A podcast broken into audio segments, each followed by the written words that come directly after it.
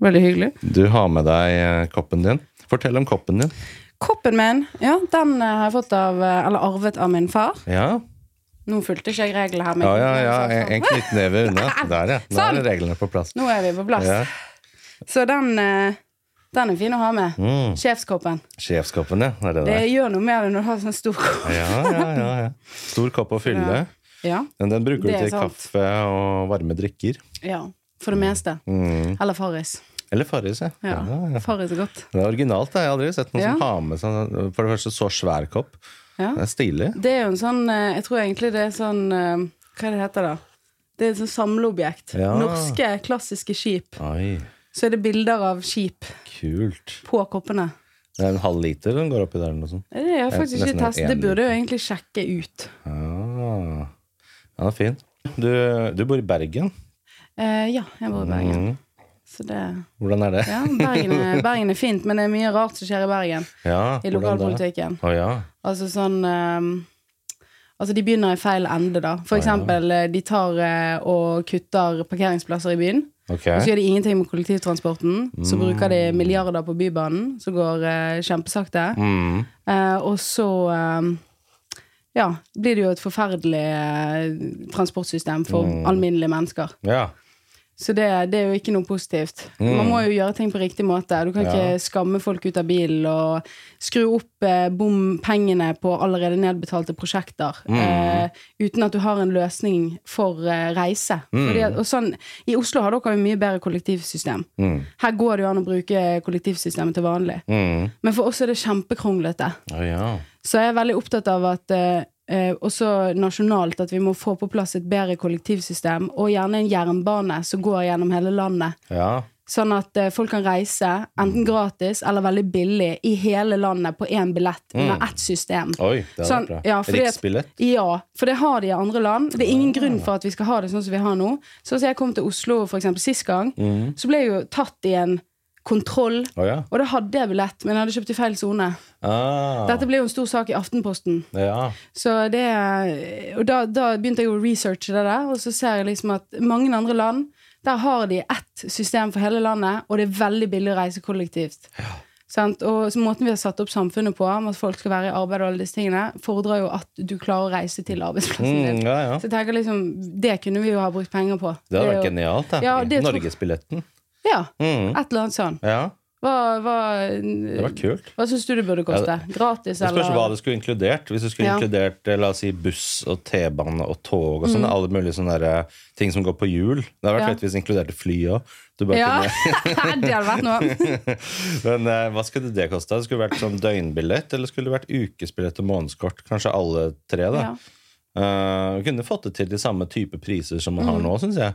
At liksom månedskort hadde kosta sånn hva er det det koster for det? 799 eller Mm. 899 eller noe sånt. Så kunne du brukt det overalt. Ja, ikke sant? Fordi da hvis du var i Oslo, så kunne du brukt det, og så fløy du til Stavanger, og så fikk du brukt det der. Mm, ja, det er Ja, det som er så mm. fint. For det, det er mange som reiser. Mm. Og så i tillegg så er det veldig krøkkete med alle disse appene du skal ha på telefonen. Og når du kommer til en ny by, altså det er ulike soner og ditten og datten. Hvilken sone trenger jeg? Ja, ja, ja. Det er jo bare kluss. Sant, og bussjåførene syns det er klussete òg. Mm. For jeg har jo spurt eh, Jeg endte jo opp med å liksom snakke med de bussjåførene. Ja, jeg forteller om det, hvor den der episoden når du ble stoppa med Nei, det var kontroll. helt eh, Var det det? Det var faktisk ganske vilt. Ok, jeg, jeg går på trikken. Jeg har med meg masse Jeg har med meg koffert og bag, så det er tydelig at jeg er reisende. Sant? Ja. Så har jeg kjøpt meg billett. Sitter meg ned i en sånn fireseter. Mm. Eh, sitter der og aner fred og ingen fare. Ja. Og så står det plutselig en sånn stor mann over meg, Mhm. og så en ved siden av han. Og så billettkontroll. Sant? Jeg bare ja, ja, her er billetten min. Ikke noe Ja, du har ikke billett. Og jeg bare Hæ? Jeg har billett, jeg. Helt sånn uh, forskrekket. Nei, det har du ikke. Ikke sitt der og lyg. Og jeg var sånn Eller han sa 'ikke prøv deg'. Og så sier jeg 'hva mener du, prøv meg'? Jeg har kjøpt billett. Mistenkeliggjort med en gang. Ja, ja, veldig sånn. Jumping to conclusions. Ja. Så jeg bare Ser du ikke at jeg har billett? Og så ja, du har jo kjøpt i feil sone, og bla, bla, bla, og, sant? og dette hadde jeg gjort med vilje. Og, og så sier jeg ok, men hva, hva skulle på en måte grunnen for det være? Så jeg har nettopp stått opp. Jeg, eh, jeg har med meg bager. Jeg er på vei ned til sentrum. Uh, dette her er jo misforståelse. Og så hisset han seg veldig opp, Ja. mens jeg snakket på en måte rolig hele tiden. Og så sto han over meg, så ble det liksom mer og mer ubehagelig. Tiltrakk seg masse oppmerksomhet, begynte å legge merke til at alle satt så på meg. Og det er jo veldig ubehagelig, sant. Så det jeg gjorde til slutt, da, var at uh, jeg reiste meg opp. Og så sa jeg bare du, det her blir eh, veldig ubehagelig. Nå føler jeg meg angrepet, og nå kommer jeg til å gå av trikken. Og nei, det har ikke du lov til. Da, sier jeg. Jeg studerer juss, og jeg vet at du har ikke noe mandat til å inngripe eh, altså fysisk her, så jeg kommer til å gå av. Jeg har kjøpt en billett, jeg har kjøpt feil billett, men sånn er det.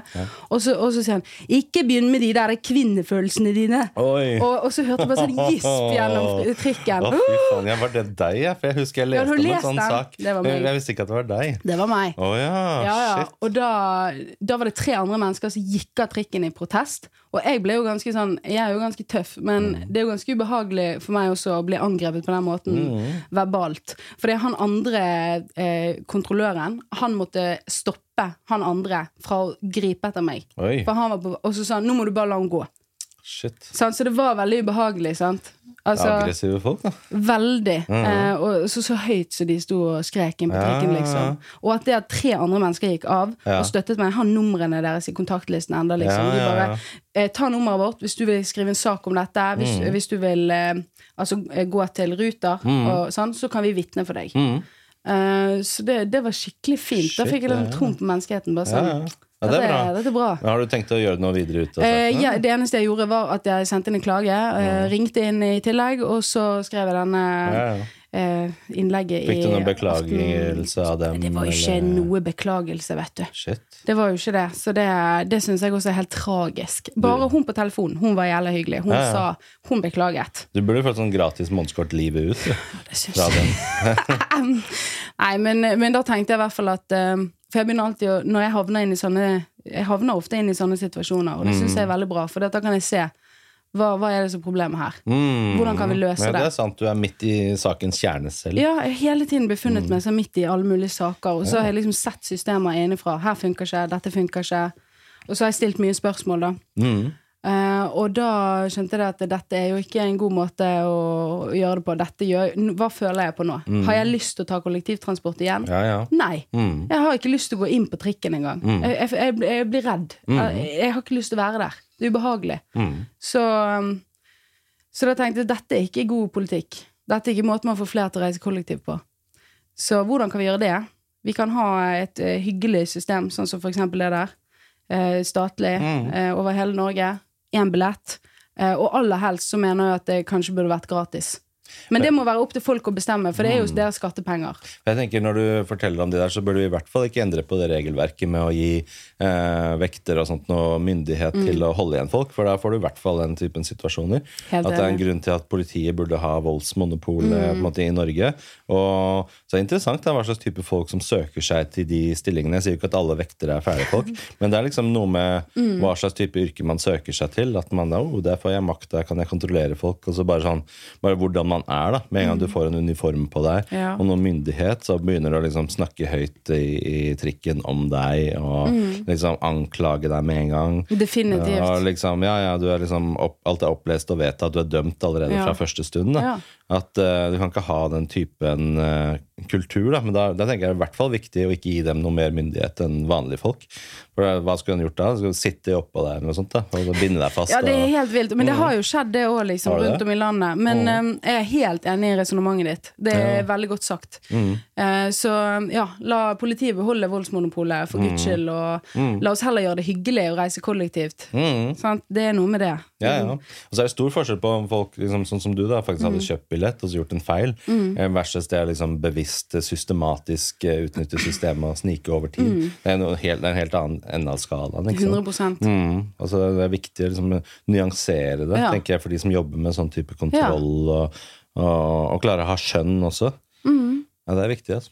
Men, eh, men jo, om Ja. deg, liksom. Du har jo eksplodert Ja. den siste tida. Du er jo overalt i nyheter og podkaster og liksom, Hva har skjedd, og når skjedde dette her? Hva, hva, hva tror du er grunnen til at du liksom pang, eksploderer?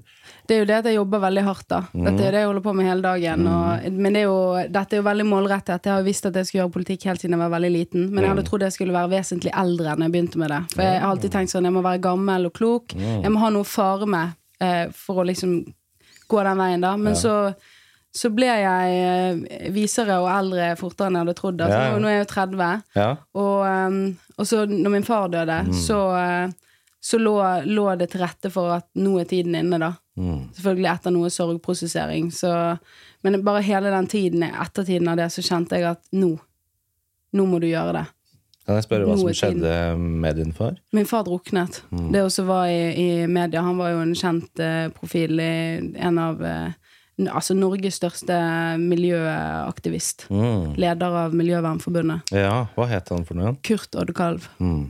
Så um, ja, det Hva var det som skjedde for noe at han druknet? Var- Nei, han skulle redde min søster sin hund, som hadde løpt ut på isen.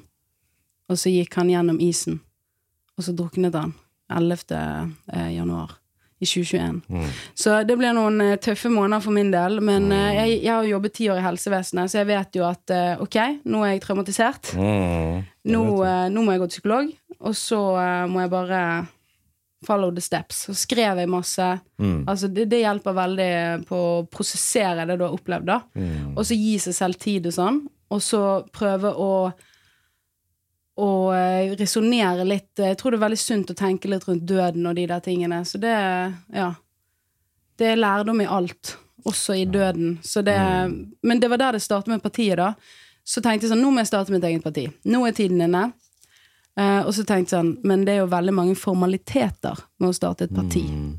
Kan jeg se om det er noen andre som har startet noe nylig? Sånn at ikke vi bare får enda et parti. Ja, ja. Ja, og så fant jeg dette partiet, da. Mm. Som, ja, de var nylig startet i 2020. Mhm. Men det hadde ikke skjedd så mye aktivitet der. Så gikk jeg inn der, da.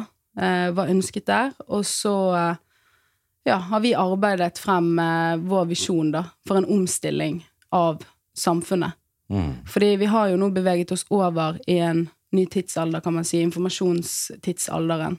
Fra den eh, industrielle tidsalderen. Mm. Eh, og grunnen til at eh, vi er annerledes enn de andre partiene, da Det er jo mange partier som sier det. Vi er annerledes. Mm. Men det er jo fordi at disse andre partiene, deres ideologi, tilhører jo en annen tid.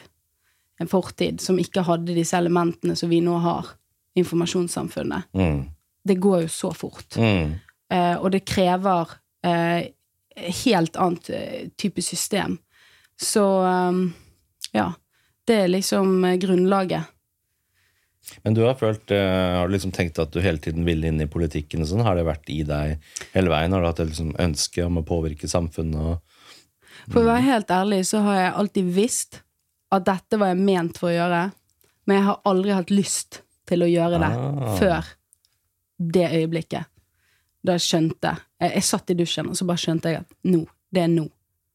Det var sånn jeg hadde suttet, Det var etter min far døde. Jeg syns det er veldig beroligende med vann. Så jeg hadde sittet meg i dusjen, da, og så bare satt jeg der og reflekterte og sånn. Og så eh, Så kjente jeg at nå, nå, eh, nå er tiden inne. Nå er jeg klar. Nå, eh, det, det gjør noe med deg, da, når eh, foreldre går bort, og du Ja, du kjenner du blir voksen på en helt annen måte. Så da var jeg klar for det ansvaret, for det er jo et sinnssykt stort ansvar. Altså, dette handler jo om livene til andre mennesker. Eh, men hvis du ser på politikken i dag, da, så er det akkurat som det er to systemer. Ett system for de høyt oppe, politikerne, embetsverket, sånn og sånn. Kanskje de kjendiser.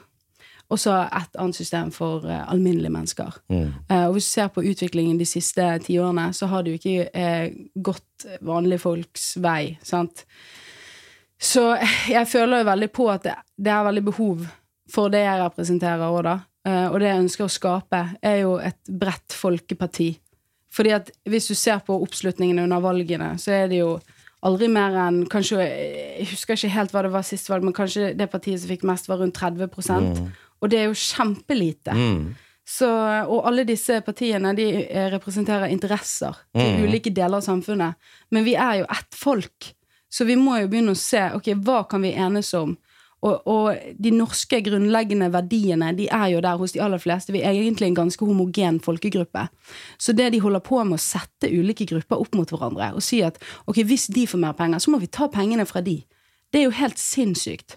Det vi trenger, er en omstilling av samfunnet som er tuftet på fornuft. Sant? Med, i, I tråd med den utviklingen som vi har innenfor eh, innovasjon og teknologi og, og disse tingene. da. Mm. Men da du mm, nevnte at du, du følte at du måtte vente med å starte noe til du var gammel og vis, Ja. hva, du, hva er det du legger i det, føler du? At, hva, hva betyr det å være å bli på en måte vis nok til å starte noe? Hva er det som gjorde at du følte det? Du skal jo ha noe livserfaring, tenker jeg da. Jeg mener jo at eh, hvis du skal ha så mye ansvar, så må du jo vite litt eh, hvor, hvordan det er å stå i skoene til de du skal representere. Og jeg har jo vært både fattig og rik eh, i dette landet, så sant man kan si at man liksom i forhold til fattigdom, alt er jo relativt. Eh, og jeg har, eh, jeg har jobbet ti år i helsevesenet. Jeg har studert, altså jeg vet hvordan det er å bare spise spagetti. Eh, men jeg vet også hvordan det er å leve et veldig flott liv. Ja. Så eh, det der at jeg har beveget meg litt rundt på den måten der, og fått de ulike erfaringene, og eh, uheldigvis og heldigvis har havnet opp i mange sånne um, situasjoner uh, med ulike deler av uh, norsk byråkrati som bare er bygd ut til et sånt uh, monster. Mm. Som, altså, husk på at disse var satt inn for å tjene oss, folket. Mm. Men det er en ovenfra og ned-holdning hver gang du snakker med noen i administrasjonen. Du snakker med kommunen, for eksempel. Det er jo ikke hyggelig. Mm. Hvorfor er ikke det hyggelig? Det burde jo være hyggelig. Mm. De var jo satt inn for å tjene oss. Så jeg kan ikke forstå at ikke flere At, de, at ikke folk er enda mer sinte enn det de er, da. Mm. Fordi at de, de, eh, altså Formålet til staten er jo å forvalte Mm. eh, våre felles ressurser til best mulig på best mulig vis for oss. Ja, de er jo lønnet av oss. Det er vi som Ja. betaler arbeidsplassene deres. De jobber jo for oss. Ja. Og det føler jeg de, liksom, de bommer på iblant. At de tror at de at vi jobber for dem. Fordi det blir en sånn maktkorrumpering. At de føler at Ja. vi har så mye makt at de må høre på oss uansett. Og det er litt sånn hvis du skylder staten penger, da er de veldig ivrige på å ta det fra deg. Men Ja. hvis staten skylder deg penger, da er det sånn nei, ni måneders behandlingstid, og så får vi se om søknader Ja. Det er litt sånn sånn. Ovenifra og ned-handling, som du sier. ja, og så ser du på disse, disse statsrådene her som har begått feil nå, sant? Og, og, og for eksempel disse reiseregningene. Ja, ja. Folk snylter til seg Solbriller. ja, hundretusenvis av kroner, og da er, det, da er det ikke så store konsekvenser, mens det er det for uh, vanlige De i Nav-skandalen, rett i fengsel. Ja, ja, ja. Sant? Det går jo ikke an. Mens for dem så er det sånn nei, nå må vi se videre her, vi løfter blikket. Og Ja. det er ikke så nøye at Moxnes driver og stjeler, det går helt fint. Og vi må ikke drive og definere en person ut fra en feil. Og det er liksom, der er det greit. Nei, det, det er skikkelig ille, faktisk. Så de, de der tingene gjør at jeg blir voldsomt engasjert. Og Mhm. for hver minste lille ting mer som jeg legger merke til, så blir jeg enda mer motivert. Ja, for det er så mange ting. Fordi det er de små tingene som er sånn et mønster av greier. da. Så jeg så Her om dagen så var det hun forskningsministeren, var det Sandra Borch, som eh, skrev noe sånn her SMS til NRK om at hun nektet å stille dersom en annen eh, eh, debattant skulle være til stede i studio. Så da, da ville ikke hun være med, så hun instruerte på en måte NRK hvem som kunne være med i debatten og ikke. Det er ikke bra. Det er jo sånn kanse- kanselleringskultur. Ja, ja, ja. Det liker ikke jeg overhodet. ikke jeg mener at vi må ha et veldig Vi må ha en veldig bred ytringsfrihet. Mm. vi må tåle mer av hverandre. Ja. Um, vi skal være veldig glad for at uh, vi lever i et sånn type samfunn som, uh, som vi gjør. For hvis du ser på verdensbasis, så er, er ikke demokratier fasiten. Mm. Der er det totalitære regimer. Altså eh, det, det er noe sånt som 23 fullverdige demokratier, altså basert Mm. på visse premisser, da, men det er ikke mye. Nei. Så det er noe vi må ta vare på. Og Ja. hvor, mye, hvor mye eh, illiberalt vil et liberalt eh, demokrati tåle før det faller sammen? Mm. Jeg tenker Vi har noe å være stolt av i Norge. Vi er nok et av de beste landene å bo i i verden. Men allikevel så er vi liksom så ydmyke og tenker at nei, vi har nok ikke den riktige oppskriften. Det er sikkert noen andre land som har det bedre. på en måte At vi er en sånn derre at vi har en sånn tendens til å tråkke på oss selv, føler jeg. Mm. At vi, vi har en sånn der veldig relativistisk holdning Mm. til at nei, vi må forstå andre kulturer, og når de tar med seg andre kulturer hit, sånn som å ikke håndhilse på kvinner, og sånn, så Mm. må det være greit, fordi det er deres kultur. Og vi er veldig sånn relativistiske. Mm. Og jeg tenker at det er viktig å begynne å på en måte være stolt av våre verdier. Ja. At sånn har vi det her. Hvis du kommer hit, så er det sånn. Her håndhilser vi på kvinnelige rektorer. Mm. Her liksom eh, Det er enkelte kjøreregler da, som gjelder her i Definitivt, Norge. Som vi er stolte av. da. Ja, Vi ønsker jo at uh, når innvandrere kommer hit, så skal de sverge lojalitet til Norge og norsk kultur. Mm. Det hadde, en sånt regelverk hadde de i Canada før, med stor suksess. Mm. Og, og det er jo mange innvandrere som er stolt over å få bo i Norge og de norske verdiene, og flink å tilpasse seg. Det handler jo om kulturelle, kulturelle forskjeller og forskjeller i verdier, og det er veldig viktig at de er så like som mulig. For hvis du ikke har like kulturell eh, ja, eh, oppfatning, så får du grupperinger i samfunnet. Skaper splittelse, skaper uro. Det blir ikke noe hyggelig. For jeg tenker sånn, Hvis du skal få til integreringsprosjektet, da, som alle vil, Ja. så er det jo liksom, da, da må jo det være tuftet på et slags, en slags felles forståelse Mm. felles rammeverk av verdier, og hva man setter høyest på verdihierarkiet sitt. Da. Mm. Og jeg tror det er kanskje noen av nøklene også, begynner at folk begynner å være mye mer bevisst på hva er egentlig verdiene mine. Ja. Etter hvert som vi blir et mer og mer sekulært samfunn, vi har ikke noe religion, vi har ikke noe kristendom, vi er, alle er ateister, så det er Ja. ingen som egentlig har noe reflektert forhold til hva, hva er det som er viktigst for meg i livet mitt. Mm. Og begynne å se på liksom, hva er verdihierarkiet mitt. Da. Så Det har jeg snakket om hjemme med samboeren min. Vi har jo Ja. to barn og vi bor her i området. Og jeg har snakket om at vi har lyst til å ha et sånn bevisst forhold til hva er familieverdiene våre. Hva er egentlig Ja. Det er ingen som snakker om det. Det er sånn som man gjorde før i tiden med sånn gammeldagse verdier som liksom, integritet, lojalitet, solidaritet, Ja. ærlighet. Kjempefint. Liksom sånne ting. Da. Jeg elsker at dere gjør det. Ja, ja, ja, og begynne å liksom tenke på hva, hva er viktigst for oss, hva er det vi står for. Ja. For iblant så må du ta valg mellom ulike ting. Du må prioritere ulike ting opp imot hverandre. Og da, da, da henter man jo egentlig Da drar man jo veksel på verdiene sine uten at man vet om det. Mm. Mens det blir mye bedre hvis du har et bevisst forhold til hva de verdiene faktisk er. Da. Uh, og det tror jeg det var mye mer av før. Mm. Ja, før men hvis du ser på før, så var jo familiene mer sentrale. Ja. Mens det som har vært nå, er at det har vært et pågående prosjekt Mm. med å overføre makt fra familiene til staten. ja. Så hvis du ser på liksom de store trekningene, så kommer det der fra en marxistisk tankegang om at eh, ja, Staten alle skal suge på statspikken. Ja, ja. Det er der vi eh, får vår næring. Ja, ja. Og det, det, er, det tror ikke jeg er noe sunt. Det, det er fra en annen tid. Og, så jeg tror at fremtiden er mer autonome eh, det er regioner, eh, hvor familie står i sentrum. Sånn som du sier, man må ha mer fokus på verdier og moral og disse tingene. Og ja, skole er veldig viktig. Få gjort noe med. Og så sånn som eh, vi snakket litt om før vi begynte podkasten, at uh, vi har så mye flott teknologi i dag, og det er så mange stoffer som utvikles, altså nanoteknologi og alt sånn, at vi kan flytte for eksempel, eh, veldig konkret eksempel er matproduksjon. Den kunne vært gått fra storindustri, som vi nå har, til eh, høyteknologi i småskala, hvor vi produserer det vi trenger i lokalsamfunnet.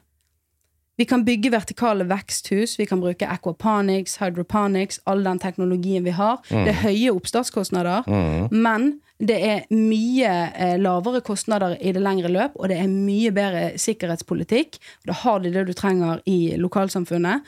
Og da er det også eh, ikke så eh, nødvendig for staten å drive og implementere alle mulige eh, eh, regelverk over hele landet, fordi at hver by er allerede i, i drift på en måte som står i balanse med økosystemet. Mm. Så, for jeg er veldig lei av den grønnvaskingspolitikken. Mm, jeg vet ja, ikke hva du det, ass. tenker Ja, om det, ja, ja. men det, jeg, Jeg jeg, holder på å bli helt dårlig. For Ja, for jeg, sånn. jeg føler det er så mye dydsignalisering. At folk er liksom så flinke fordi de gjør alt mulig grønt. At det er egentlig bare en sånn måte å liksom signalisere hvor, hvor, hvor dyktige man er. Da. At det egentlig ikke handler om miljøet i det hele tatt. At det er bare sånn der kamuflasje da, Ja, for å kunne gjøre helt andre ting. Så jeg, jeg føler at man burde være my ha mye mer ærlighet i politikken. Og sånn som du sier, at, eh, at familienivået burde være liksom basen, og individet og familien burde være basen i hva man tenker. Synes jeg, jeg har en sånn liberalistisk holdning til det fra før av. Ja. At jeg tenker at staten burde være minst mulig, ha minst mulig å gjøre med folks liv. helt enig. Fordi det, og det må også være så enkelt som mulig. Ja. Politikken må være lagt opp så enkelt som mulig, og sånn som du sier, minst mulig av det. Ja, ja. Og så, eh, så har de selvfølgelig en viktig rolle. Ja. Voldsmonopol, politi, ja. brannvesen, alle mulige sånne ting som staten må. Mm. må håndtere. Men ellers liksom kom dere ut av folks liv, på en måte. La Ja. folk leve livene sine. Og la næringslivet Mm. eh, få spille. Og så selvfølgelig må vi regulere det innenfor visse rammer, Ja, ja. Så, sånn at ikke de bare kjører over folk, de også. Nei, nei. Men, eh, men definitivt, altså. For det er altfor vanskelig for små og mellomstore bedrifter. Mm. Men dette her med familiene er så sentralt. Det er sentralt for alt. Psykisk helse. Altså, du fordi det vi har gjort, er jo egentlig at vi har flyttet oppgaver som familien før hadde, over til stat, Mm. fylke og kommune, og så oppfyller ikke de pliktene sine. Nei. Sånn som eksempel sykehjemsplasser. Det er en kommunal plikt Mm. å ha nok sykehjemsplasser til de som trenger det. Det klarer ikke de å levere på. Nei, nei. Og min kommune har vært verst i mange år. Mm. Og det er en skam. Og de har eksempel fjernet kjøkkenet på alle sykehjemmene. Mm. Så de har ikke eget kjøkken. De får sånn mikrobølgeovnmat. Og den er kjempeekkel. Mm. Jeg har smakt den selv. Ja. Det er Jeg vil heller la være å spise. ja. Og jeg er veldig glad i mat, så det er Men hos dere, er det kommunalt, eh, eller er det privat, eller er det, hvordan funker Altså, det? eh, dette gjelder de kommunale Ja. sykehusene, da. Mm. Men eh, så Man har jo visse private aktører. Jeg har jobbet på privat sykehjem også, der hadde de eget kjøkken, og det var veldig bra. Mm. Ja. Mm. For jeg har jo jobbet, som jeg sa, ti år i helsevesenet, og jeg tror syv av de årene var på sykehjem. Det var det, ja. Som sykehjem. sykepleier, eller hva var det? Eh, Jeg gikk på sykepleien Ja. et år her i Oslo. Enda en syk sånn systemgreie som skjedde Ja. med meg. Ja, Jeg gikk, eh, ja, dette var også en mediesak. Jeg hadde et hår i fjeset. Ja, ja, ja. Eh, Det var en mediesak. Altså, jeg begynte på sykepleien. Og så skulle vi ha en sånn eh, De hadde noe som het SF-enheten, hvor man driver med øving da, på ulike prosedyrer.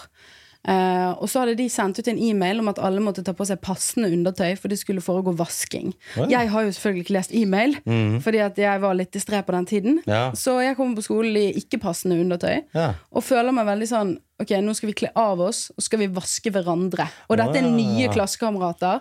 Og jeg, eh, jeg kjente bare at ok, nå ble jeg eh, sjenert. Dette har ikke jeg lyst til. Ja, ja. Eh, og så hadde jeg vært pasient før. Jeg har eh, drevet med idrett i mange år, så jeg har skadet kneet mitt. Jeg vet hvordan det er å være pasient. Mm. Så jeg hadde litt eh, den der Ja, dette vil ikke jeg. Mhm. Og så gikk jeg til læreren min, da, og så sa jeg du, kan jeg få slippe? Nei, det kan du ikke. Da må du gå opp og snakke med en i administrasjonen. Mhm. Sant? Hun som var under rektor. Så jeg ok, jeg får bare gjøre det, da. Og så var det ingen av de andre som ville være med, selv om det var mange andre som ikke hadde lyst til å bli vasket i undertøyet. Mm. Deriblant f.eks. for eksempel noen venninner av meg som var muslimer. Mm. Sånn, de hadde jo eh, på seg eh, hijab og hele pakken. De hadde jo ikke lyst til å kle av seg Mm. Mm. overhodet. Det gikk jo helt imot religionen deres. òg. Eh, og så går jeg opp til henne, og så gir hun meg et sånt blikk. Du vet sånn at du ser noen helt ovenfor øynene, og så hele veien ned til skolen skoene. ja, ja, ja. Og så oppover. Den der dømmende blikket. Så- Vurderer deg, og så bare dømmer og ned. Ja, Mm. og sto hun der i buksedressen sin, og så sa hun da må du vurdere om du kan bli sykepleier. og vet du hva? Da, det jeg, er ja, det var skikkelig ekkelt. Jeg begynte faktisk å grine. Og så tenkte jeg, ja, for da Vet ikke, det, Dette er jo ganske mange år siden, men eh, der, da bare kjente jeg at dette var skikkelig ubehagelig. Så gikk jeg ned, så kledde jeg av meg, så var jeg med. Og så gikk jeg hjem, og så følte jeg bare at dette her var et overtramp mot mine grenser. Mm. Og så, og så begynte jeg å reflektere rundt det. Skal det være sånn at sykepleiere må liksom Må de prøve ut alt for å kunne bli en sykepleier? Mm. Har ikke jeg noe ekstra innsikt i det med empati og sånn fra før av, når jeg på en måte har vært pasient og jeg kjente Ja, ja. på hvor ubehagelig dette var? Så hele poenget med læringssituasjonen var jo det å forstå pasientsituasjonen, at det var ubehagelig. Og det forsto jeg jo veldig godt. Jeg hadde Må, ikke lyst til å ta brekke, meg. må dere brekke beina på hverandre for å behandle en pasient med brekt bein? Liksom? Ja, så jeg fikk helt sjokk, så det jeg gjorde var at jeg innkalte rektor til et møte. Mm. Og så skrev jeg et blogginnlegg om dette. På den tiden så hadde jeg en veldig velfungerende blogg. Eh, og den uh, fikk jo ganske mye oppmerksomhet. Eh, og så hadde jeg det møte med rektor, og så sier jeg til henne at eh, jeg syns ikke dette Basically det jeg sa til deg, da. At jeg fortalte om opplevelsen, fortalte hva jeg følte, og sa at jeg syns ikke dette var riktig. Vi kan ikke ha det sånn på skolen. Det kan være andre som er mindre ressurssterke enn meg. Det kan være folk på min alder som har stomi, eller har blitt mobbet i mange år. Det kan Ja, være mange forskjellige ting til at Eller- noen ikke vil kle av seg. Eller folk som, kanskje folk som har hatt depresjon og selvskader, og så har man kutta seg masse. Ja. At uh, Man må ikke vise alt. Ja, Mm. og så vet jeg at eh, det var en annen gruppe der hvor mm. det var gutter som hadde kommentert på jentene sine kropper og sånn. Ja, og det er heller ikke noe hyggelig. Det er typisk. Så det er mange sånne ting. Og derfor så, eh, så sa jeg til henne også at nå har jeg sittet hjemme, jeg har lest forskning på empati. Mhm. Empati viser, altså den forskningen viser at empati er noe du lærer kontinuerlig fra du blir født. Så hvis du er da eh, 22-23 år, som jeg var da, og ikke har empati, da er du psykopat. Ja, ja, det er det. Og da kan du ikke reddes av en time på SF-enheten uten klær. Nei, nei. Og det er liksom logikken bak Ja, ja. mitt resonnement, da. For hvorfor jeg mente at dette var ikke noe de kunne påtvinge Nei, nei. elevene. Det sto ikke noe om i læreplanen. Nei, nei. Eh, og så eh, sier hun til meg uh, For det, da sier jeg nå har jeg fått forespørsel av TV 2 om å snakke om denne saken, så jeg vil bare vite hva syns du? Hva Ja. syns du? Skal vi gjøre noe med dette, eller skal jeg ta det videre? Sant? Og dette var jo sikkert voldsomt provoserende, så da sier hun til meg hvis du tar det videre, så lager vi skikkethetssak på deg. Så lager skikkethetssak? Skikkethetssak. Å, fy faen. Og det ble skikkethetssak. Å, fy faen. Og jeg eh, endte opp med 30 000 i advokatutgifter. Så jeg måtte betale selv som student ved å jobbe på sykehjem ved siden av. Hvor mine Å, sjefer var helt sjokkert, for de syntes jo jeg var kjempeflink. Så det Hvem var dette som bestemte dette skikkethetssak? At det skulle bli det? Nei, eh, Det er så sykt. Jeg satt jo i elevrådet på den tiden. Ja. Eh, hun ene som hadde vært innom elevrådet én gang. ja. Hun møtte meg én gang. Hun hadde skrevet et dokument på syv sider Mm. Oi. om meg som var fiktivt. Å, Det var påfunnet. Var, var det liksom Det var egentlig litt digg å få snakke om dette nå, for jeg har aldri ja. fått fortalt hele historien. Liksom Hvem ut er denne personen? Nei, jeg husker ikke hva hun het Men liksom stillingstype? Var sånn Jeg sjef husker, jeg husker ikke hvilken stilling hun hadde engang. Altså Hele det der surret der. Men hun det var jo ansvarlig for liksom studiet ditt, eller noe sånt? Da. sikkert sånn emneansvarlig, eller, Ja. men jeg har bare møtt henne én gang. Mens min lærer, hun skjønte jo ikke hva Hun støttet jo meg. Du skulle tatt lydopptak når hun sa det der. Hvis du gjør det, så blir det skikkethetssak. Ja, men for Jeg gikk jo inn i det møtet eh, helt sånn naiv. Mm. Ja, ja. trodde at de kom til å si sånn Åh, det var leit at du hadde opplevd det. Sånn. Så jeg gikk jo inn helt sånn her eh, Folk er ikke sånn, vet du. Nei, det gikk ikke det, men lærte utrolig mye av den saken. Men eh, sum summarum, da. Jeg sluttet på sykepleien. eh, eller jeg søkte permisjon, flyttet til Bergen. Eh, også, for jeg ville ikke gå der lenger. Det var jo en voldsom Skjønner belastning å stå i dette, og mediesirkuset. Det var jo på TV 2 og Ja, ja. alt mulig. Sant? Det var skikkelig ille. Altså sånn, du blir jo, Så skal du gå sykepleie til, tillegg, jobbe. Jeg måtte jo jobbe kjempemye ekstra for å betale advokatutgifter. Ja, ja. Eh, og så eh, Den regningen burde du sendt til skolen. Da. Jeg burde gjort det. Ja, men, eh, det til, slutt, ja, men slutt så var jeg dritlei. Jeg bare tenkte nå vil jeg bare vekk fra dette her ja, tullet. Men Jeg det som var fint, det Norsk Sy Sykepleierforbund Mm. de støttet meg, Ja, det og det ble tatt opp nasjonalt. Mm. Og de kom til at dette hadde de ikke lov til å påtvinge elevene. Eh, Det var ingen steder hvor det sto at eh, du måtte gjennom dette for å på en måte møte kravene. Mm. Eh, og så Det slutta ikke der. Så flytta jeg til Bergen. ikke sant? Jeg har bestått alle eksamener. og sånn. Så prøver jeg å komme meg inn på sykepleien i Bergen. Og alle vet jo at det mangler sykepleiere. Sant? Og da har jeg fullført første året med helt greie karakterer. Sånn, Jeg tror jeg hadde C i snitt. Og så um, Så sier de til meg at dette er ingen privatistskole. Du får bare gå første året om igjen. For da var ikke sykepleien standardisert, er det det heter, i Mhm. landet. -hmm. De hadde ikke ett løp for sykepleiere. Ok. Så det også syns jeg er et stort problem. Ja, ja, ja. For jeg vet at det var ikke bare meg det skjedde, men det skjedde med mange andre. Sånn, måtte, det er mange grunner til at studenter plutselig må flytte. Mm. Bare tenk på under koronakrisen, liksom, hvor mange som måtte ja. Og vi trenger sykepleiere, vi trenger leger, og det er det er for dårlig, disse her eh, utdanningsinstitusjonene. For det første er det altfor få plasser, i hvert fall på legestudiet. Mm. Uh, og vi har egentlig inngått in internasjonale forpliktelser om å, om å eh, utdanne egne leger. Og, men vi gjør ingenting med det. Mm. Vi følger ikke opp. Og, og det med sykepleien, at det ikke er ett standardisert løp. Mm, det burde det jo være. Ja, så Kjemperart. Men det er så skummelt. Jeg, blir så, jeg merker jeg blir så sint når jeg hører sånne folk som driver og truer og sånn. Ja, men det er det- også digg, for tenk Ja. hvor motivert jeg er etter alle. Dette Det er er, jo bare én ting. Det er sant. Jeg har, vært gjennom, jeg har jo vært gjennom helvete og tilbake. Ja. Altså, alle mulige slags saker du kan tenke deg. Er det sikkert vært borti. Shit, hva slags er flere typer greier har du drevet med? Nei, det er mye forskjellig. Ja, men det er sånn Jeg blir så provosert når det er folk i lederposisjoner og maktposisjoner. Jeg tenker at vi må ha enda strengere krav til de som er der, fordi Ja. de har mye større ansvar mye større makt. Spesielt overfor studenter som blir redde, for man har ikke så mye livserfaring. Og man tenker at oi, nå ødelegger jeg hele livet mitt hvis jeg sier ifra om dette her. Ja. Da, og så i tillegg, ikke bare indirekte, liksom implisitt, men direkte trusler om at hvis du sier ifra om dette her ja, så, så, så blir det konsekvenser for liksom. Det burde være helt, helt motsatt. Det burde være helt motsatt kultur. At det være åpenhetskultur. Mm. Fortelle om det du reagerer på. Og vi skal selvfølgelig skal ikke få noen konsekvenser at du forteller. Mm. Og det er sånn, de er lærer på en sykepleierutdanning, eller øh, sjef for emnet, eller hva det var. Så, hva slags sykepleier er det du lærer Mm. Altså Hun som sa det til meg, hun var rektor. Hun var rektor. Og hun, Du kan finne klipp ut av dette her på TV2 Oh, det skal eh, sine sider. Jeg, eh, dette var det som skjedde. Hun, Mm. eh, jeg vet ikke hvordan det er med sånne uttalelser om hun må få si noe imot ja, ja. men dette var det Men som skjedde. skole var det, da? Pilestredet. Det som nå er Oslo Met. Ja, ja, ja. Rektor, det. Fytti grisen, altså. Det, det der var ikke greit. Det var ikke greit. Det sånn, men det er sånn, der begynner indoktrineringen. da Hva slags sykepleier er det du utdanner da? Jo, du, allerede der så skal du vite at det er konsekvenser om du step out of line, liksom. Det, Mm. Men jeg sånn fikk så mange er støtteerklæringer fra sykepleiere og leger over hele landet. Og, og, eh, sant? Så fikk jeg et par stygge meldinger. Jeg husker en Mm. som skrev til meg 'Du kommer aldri til å få deg jobb'. Men jeg har fått meg jobb. Det virker sånn. Ikke noe problem. Aldri vært et problem.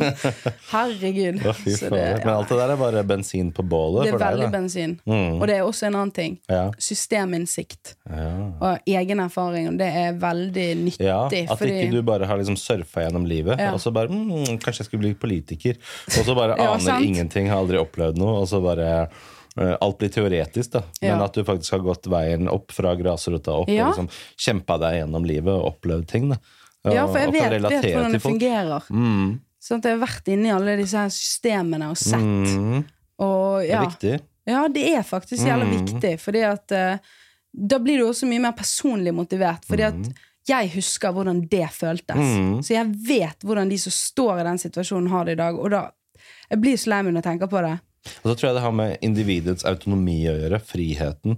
At det er det som ble tråkka på der hos deg. At noen Mm. Ja. bestemte over dine personlige grenser. Ja, over det. Og det. Og det er nettopp det man skal lære bort til de som skal jobbe på sykehjem, er at hvor viktig de eldres autonomi er. Ja. At man bygger opp under den, at de i hvert fall føler at de har litt individ, individuell frihet igjen Ja. i livet sitt. Og ikke lære bort eh, til sykepleierstudenter at det vi gjør, første vi gjør, er bare tråkke over grensene dine.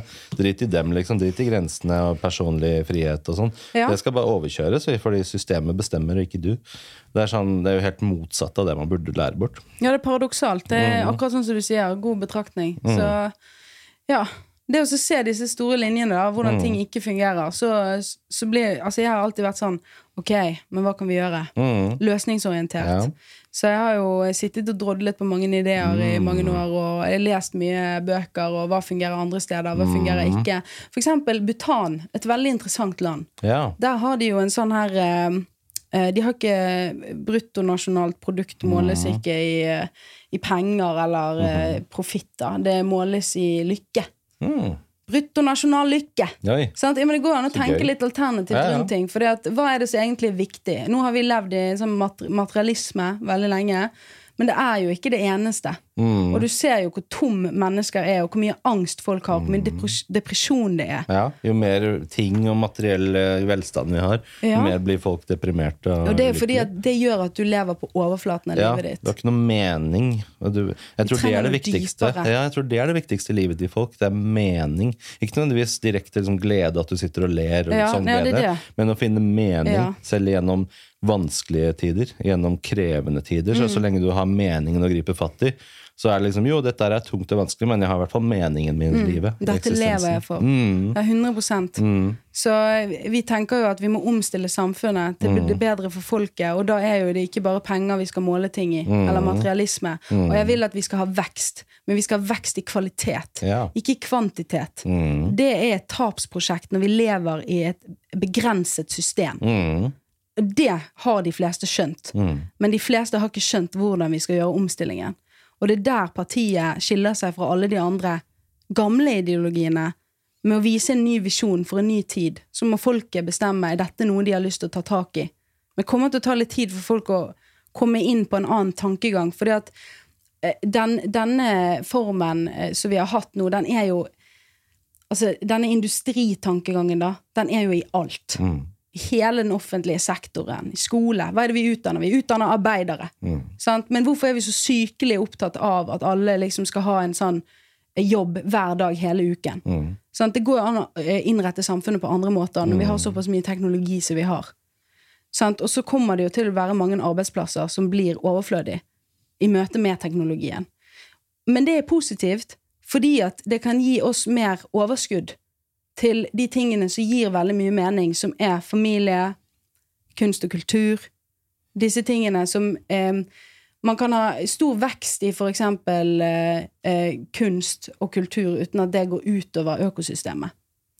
Så liksom tenke vekst på en ny måte og ja. Mm. Ja, for de fortell forteller om generasjonspartiet, sånn at vi kan ha en litt sånn, sånn at folk uh, forstår hva det er for noe, for det er ganske nytt. Det startet i 2020, var det det? ja, men da var ikke jeg med. Nei, det så ikke jeg gikk jo inn Ja, jeg gikk vel inn i 2022. Ja. Fordi hva er liksom elevator pitchen for eh, generasjonspartiet? Hva er liksom, hvordan skiller det seg Elevator fra pitchen, der må jeg jobbe litt lenger med, tror jeg. Men Hvordan eh, det, liksom definerer det, og hvordan skiller det seg fra alle andre partier for tiden? Hva, hva er det viktigste ved generasjonspartiet? Jeg tror kanskje jeg var litt inne på det i sted. Mm, men vi kan ta litt Jeg sånn tror det, ja, jeg, men det er i hvert fall det at uh, de andre partiene baserer seg i det store og hele på uh, enkelte uh, gruppers interesser. Og de baserer seg på ideologi fra en annen tid. Fra industriens uh, tid. 1800-1900-tallet. Men nå har vi Altså, teknologien har jo skutt fart. Om ti år så er vi jo gjerne kommet lenger enn vi gjorde de hundre siste. Mm. Eh, og i et sånt samfunn så, så trenger vi å ha et system, et politisk system som ikke er så sirumpet. Som ikke henger etter. Mer fleksibelt. Ja, det må være dynamisk. Mm. Ja, og så har, har jo alle disse systemene vi har, hvis du ser på det politiske systemet, finanssystemet, så er dette basert på tillit. Faktisk. Og hva er det vi mangler i dag? Det er tillit. Hvorfor mangler vi tillit? Fordi at det er ikke tillitsvekkende, det våre politikere driver med. Dessverre. Eh, og da er det jo Det er et systemisk problem. Så det vi ønsker å gjøre noe med, det er på en måte spillebrettet som dette politiske spillet foregår på. Mm. Se for deg at det er ludo. Vi ønsker å endre litt på ludobrettet, sånn at ludo blir mye hyggeligere og mer tillitsskapende og mer eh, funksjonelt for innbyggerne. Og det gjelder ikke bare én gruppe av innbyggere. Det gjelder ikke bare sykepleiere og barnehageansatte og de som får minst renholdsarbeidere og bussjåfører. Nei, det gjelder alle i landet. Så uten at man skal tenke sånn at Så sier jeg f.eks. ja, marxisme. At uh, vi skal ikke ha fokus på individet. For jeg mener individet er veldig viktig. Mm. Det er fra individet du får de største ideene. Det er der det begynner nyskapning. Det er veldig viktig at eh, individet får frihet og plass. Mm. Så det tenker jeg òg. Jeg tenker er Ja. et farlig samfunn Ja. hvor gruppen er den viktigste. Ja, gruppen er ikke den eh, viktigste. Mm. Men eh, så er det liksom det der å anlegge systemene til det bedre for liksom folk flest. Mm. Og der kan man, man kan liksom ha to tanker i hodet samtidig. Mm. For det er jo komplekse ting. Ja, ja. Men hva er på en måte de viktigste sakene deres, da? Hva er det som er det viktigste? Ja, det blir jo systemendring. Da er jo nummer én, liksom. Og da er det jo for eksempel at folkeavstemninger. Ja. Hvorfor har ikke vi flere folkeavstemninger? Direkte demokrati. Ja, det burde være Mm. mer sånn. Og så er det det å få mer eh, autonome regioner. Og det handler om å bygge selvstendighet nedenfra og opp. Mm. Og med det så mener jeg at byene må ha det de trenger i byene. Mm. Altså Vi har ikke medisinaldepot i Norge. Vi mangler masse medisiner i dag. Det merka vi under korona også. Ja. At det, mye av det blir produsert i Kina, var det ikke sånn? Det er helt vi det krise. Mm. Det er helt krise. Og, altså, det, det er så gale. Eh, og så, vi har, vi har ikke kornlagre lenger. Mm. Altså, dette er jo helt hårreisende. Og NS, eh, Norsk sikkerhetsmyndighets rapport trakk jo frem at forsyningskjedene våre at de er så lange. Mm. Før, fra, fra noe lages her til det kommer til Norge, eh, en vare, eh, så er de så sårbare for eh, terror, for eksempel. Sabotasje. Eh, sånn at vi kan jo ende opp med, å- med å stå i en skikkelig kjip situasjon Mm. hva gjelder eksempel mat. Hvis noen velger å sabotere Mm. forsyningene våre. Ja, det er det jeg tenker også, at Vi må tenke på, på å beskytte oss selv først. At Ja. Det er viktig, tenker jeg, fordi det er sånn Jo, vi lever i en global verden, og vi er avhengig av at landene og sånt samarbeider, men vi så jo det under korona, hvor sårbare vi er. da, Mm. At med en gang ting stenger ned, altså Ukraina-situasjonen nå, nå Mm. skal de slutte å eksportere for de får ikke lov av Russland å eksportere korn, skal vi ikke ha noe brød i butikkene. da. Det er, sånn, det er så mange ting vi kunne produsert selv også, Ja. om ikke primært, så i hvert fall som en backup i det aller minste. Ja. At vi på en måte har mulighet til å produsere medisiner, lage korn og mel og brød. Vi kan og også alt. vi kan være selvforsynt med grønne grønnsaker, frukt og bær året rundt Ja. med den nye teknologien vi har. Og dette, vi har penger på bok, vi kan investere i eget land. Det Dette kan, det. dette kan vi gjøre. Eh, og så er det en annen ting. Du sa vi lever i et globalt eh, samfunn. Vi kan tenke globalt eh, på mange ting. Vi kan tenke globalt i forhold til ideer. Eh, kunst og kultur. Vi kan, vi kan tenke at vi skal ekspandere og eh, utveksle på de tingene som, som har en eh, global forsvarlig målestokk. Mens når det gjelder de tingene som totalt ødelegger, så, så må vi tenke lokal målestokk. Også finanssystemet. Tenk så fint det var før, når du gikk i banken og du møtte noen som var hyggelig, som kjente litt til deg, og så sier de ja, ok, jeg ser at eh, du, har, du har ikke gjort det så bra sånn, men jeg ser at du har spart. Du har spart, og du eh, jeg vet hva som bor i deg, og jeg kjenner jo din mor, og Mm. ja, vi liksom Du kommer fra skikkelige folk, og ja, Jeg sier ikke at alt var bedre før, men jeg Ja. sier at det er noe med den personlige personlige. Mm. det er veldig viktig også når det gjelder finans, tror jeg. For nå skaper det veldig stor ulikhet. Eh, fordi at det er ingen som kjenner eh, noen i altså, personlig i banken lenger. Mm. Det er sant, det. Alt blir så upersonlig og for stor skala. At vi kan ha det litt mer, ta det litt ned, på en måte. Ha ting litt nærmere Ja. hverandre. Litt mer menneskeliggjøring. Og det skaper også en, en bedre situasjon eh, på mange måter. For du vet det spillet Mm. der hvor det, det er sånne kuler, så skal du ta de andre kulene som Ja, ja. mindre. Mm. Så blir det jo alltid sånn noen av de kulene blir jo kjempesvære, så spiser de alt rundt Ja, ja. seg. Det er det samme som skjer i alle markedene. Du har Mm. noen få selskaper som eier alt. Pareto-distribusjon. Ja, Mm. nettopp. sant? 1 og så, ja. så, så det som er Det er jo det at dette er jo ikke fornuftig. Mm. For det, det som skjer, er at de, de kan jo Altså, de største aktørene, ok, de er på, de er på markedet for medisiner. De er på markedet for militær. Sånn de kan jo benefitte på alle krisene våre. Mm. Og, og hvorfor ville man ikke gjøre det i en kapitalistisk verden? Mm. Dette er jo farlig. Mm. Dette er jo ikke hensiktsmessig for uh, folk Mm. flest. Så jeg tenker sånn som det går. Vi må tenke Norge først. Mm. Og så, alle vet det, må tenke på seg selv først, for du kan hjelpe andre. Ja. Og så vi tenker lokal målestokk på disse tingene. Mm. Og så kanskje vi kan hjelpe resten av verden med å, med å forstå ved å være en suksess. Mm. Vi kan, Gå, som se. et godt eksempel. Ja. Og så kan vi hjelpe de og stimulere til Mm. Ja. Det er sant, det. Hvordan tenker dere i forhold til hva som skal være offentlig, og hva som i forhold til privatisering? La oss snakke om f.eks. sykehus. da. Mm.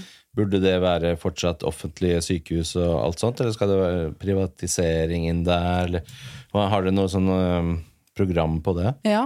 Det ligger et partiprogram på siden vår, men det er på en måte en begynnelse. Men det jeg tenker eh, absolutt, da, det er det at eh, for det første eh, så er det sånn at akuttmedisin, det er helt fantastisk. Mm. Men det meste som behandles på sykehus, det er livsstilssykdommer. Og det begynner lenge før du kommer på, på sykehuset. Og det kan ikke sykehuset gjøre noe annet enn uh, symptombehandling med. Så det er en svær samfunnskostnad. Uh, og det er ikke noen som helst tjent med. Og derfor så mener jeg at vi må ta tak i folkehelsen. Vi må legge til rette uh, for et samfunn som spiller på lag med vår biologi. For det, det, sånn det hamsterhjulet de fleste er inne i nå, det ødelegger mennesker. Det gjør de syke. Det er en grunn til at vi har flest sykemeldinger Mm.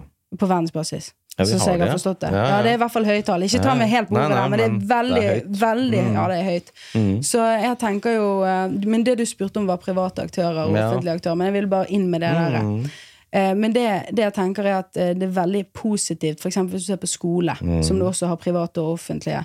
Det er veldig positivt med flere pedagogiske løp. Mm. Jeg er veldig fan av det private. Mm. Og den drivkraften og engasjementet som finnes i næringslivet. Mm. Så, eh, Fordi de må konkurrere om Ja. kvaliteten, ikke sant? men de må også ha tøyler, selvfølgelig. Mm, ja, ja. Og det, Konkurransetilsynet altfor dårlig. ja. Det er altfor svak. Sånn, Det ser vi med matpriser. Det det. Mm. Hvordan vil dere løse den situasjonen? Hvis, Nei, La oss si du er ved makten nå, statsminister, Ja. spoler frem eh, 20 år. Ja. Eh, eller ikke så lenge, 10 år. Ja, ja Fem ti år er bra. Fem. Ti. Ja, fem. Du er veldig positiv, det er bra. Eh, hva ville du liksom gjort med det? Hva ville det vært deres løsning på? Ok, La oss fikse dette her matproblemet. Prisene bare stiger og stiger. Folk har ikke råd til noe lenger. Hvordan løser vi den der? Ja, det blir jo med dette selvforsyningsprosjektet. Da. Blant annet investere i eh, vårt eget land. Mm. Eh, kortreist mat.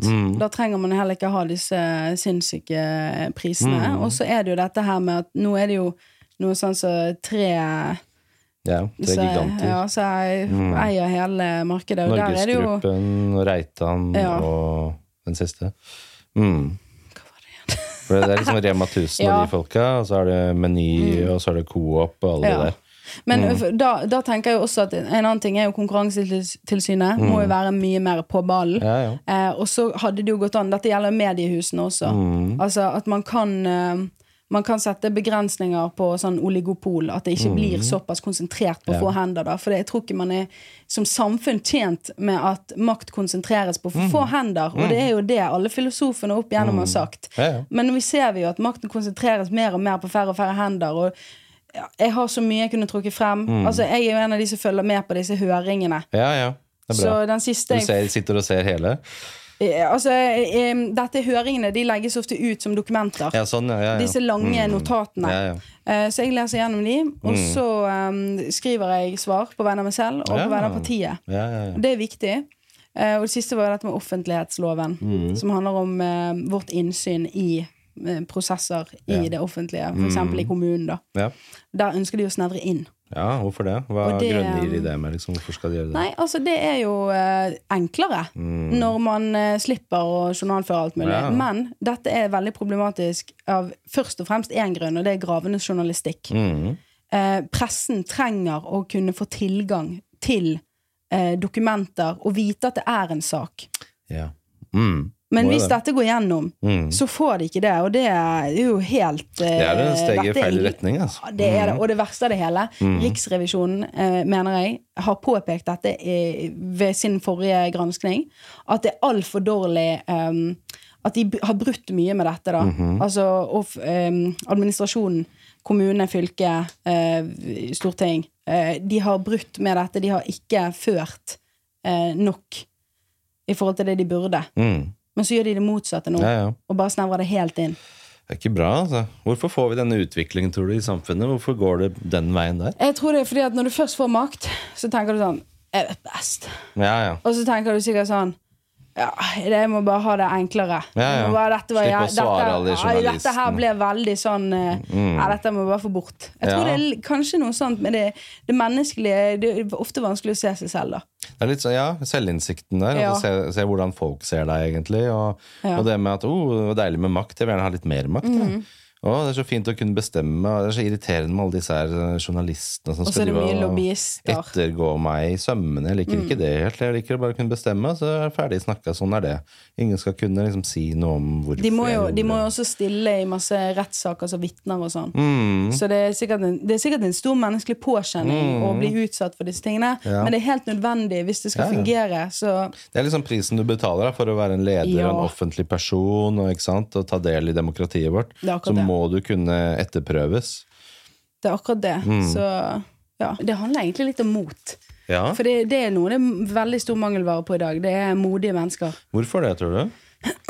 Vi ruller Nei, altså dette, ja, dette samfunnet her stimulerer jo ikke akkurat eh, så veldig til å være modig, da. Hvorfor det? Nei, du blir jo på en måte Skolegangen handler jo om at du skal Ja, ta imot inn i en viss. Ja, du skal inn i en viss tankegang. Innprentes. Hvorfor lærer man ingenting om hvordan starte egen bedrift eller eh, personlig økonomi, eller du lærer i hvert fall svært lite, eller hvordan du kommer inn på boligmarkedet, eller sånne ting, da? Det jeg har tenkt er, Hvorfor er det ikke et eget fag på skolen som heter tenkning? Ja. Å tenke selv. Lær å tenke Ja. fritt. Lær å være intellektuell på den måten at du kan leke med ideer uten Mm. å gifte deg med ideen. At det ikke nødvendigvis må være din idé eller noe du, som, som plasseres inn i verdisystemet eller trossystemet ditt, men Mm. at du kan leke fritt med ideer opp mot hverandre. Sånn som jeg og samboeren min, da, Madeleine, vi pleier å ha en sånn debattsport da, som vi driver med, hvor vi på en måte tar for oss forskjellige temaer, Ja. og så uh, forskjellige temaer i samfunnet, og så eh, bytter vi på å være for og imot, sånn at jeg er for og skal argumentere for det, selv om jeg kanskje er imot det selv, Det privat, og så, og så bytter vi på, så plutselig er jeg imot temaet. Sånn at da, da trener man på å Um, kunne se ting fra andres perspektiv òg, fordi Ja, plutselig så må du argumentere fra en side som du ikke tror på engang. Ja. Eh, Så det tenker jeg det kunne vært fint på barneskolen og ungdomsskolen. Ja. og sånn.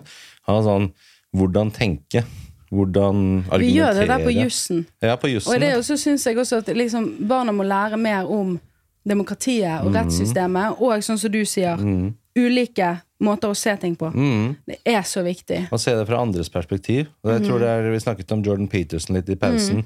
Og han, Jeg syns han har mye bra i de bøkene sine. Ti regler for livet. Eller, nei, tolv regler for livet, heter det vel.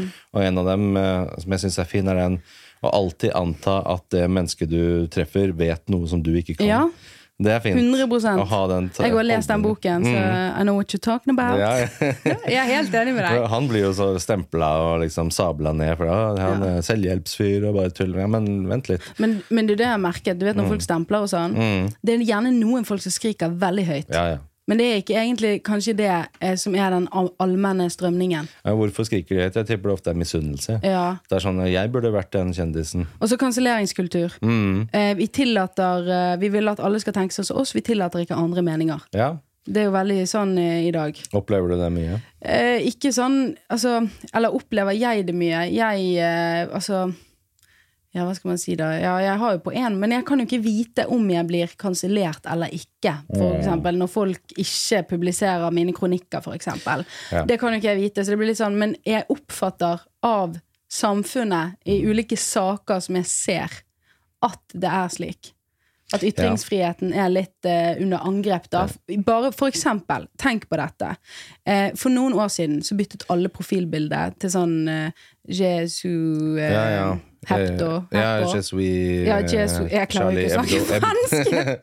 Charlie Ja. Hebdo. Og hvorfor gjorde de det? Mm. Sant? De gjorde jo det fordi at uh, han var jo blitt eh, drept, og det var liksom i støtte mot dette. Og da var jo dette oppe eh, sånn med koranbrenning og disse Mm. tingene i Frankrike, og det var full støtte på at ja, sånn kan ikke vi ha det, vi må selvfølgelig ha åpen Mm. eh, ytringsfrihet og ditten og datten. Det var jo fordi han hadde tegnet noen Mohammed-tegninger.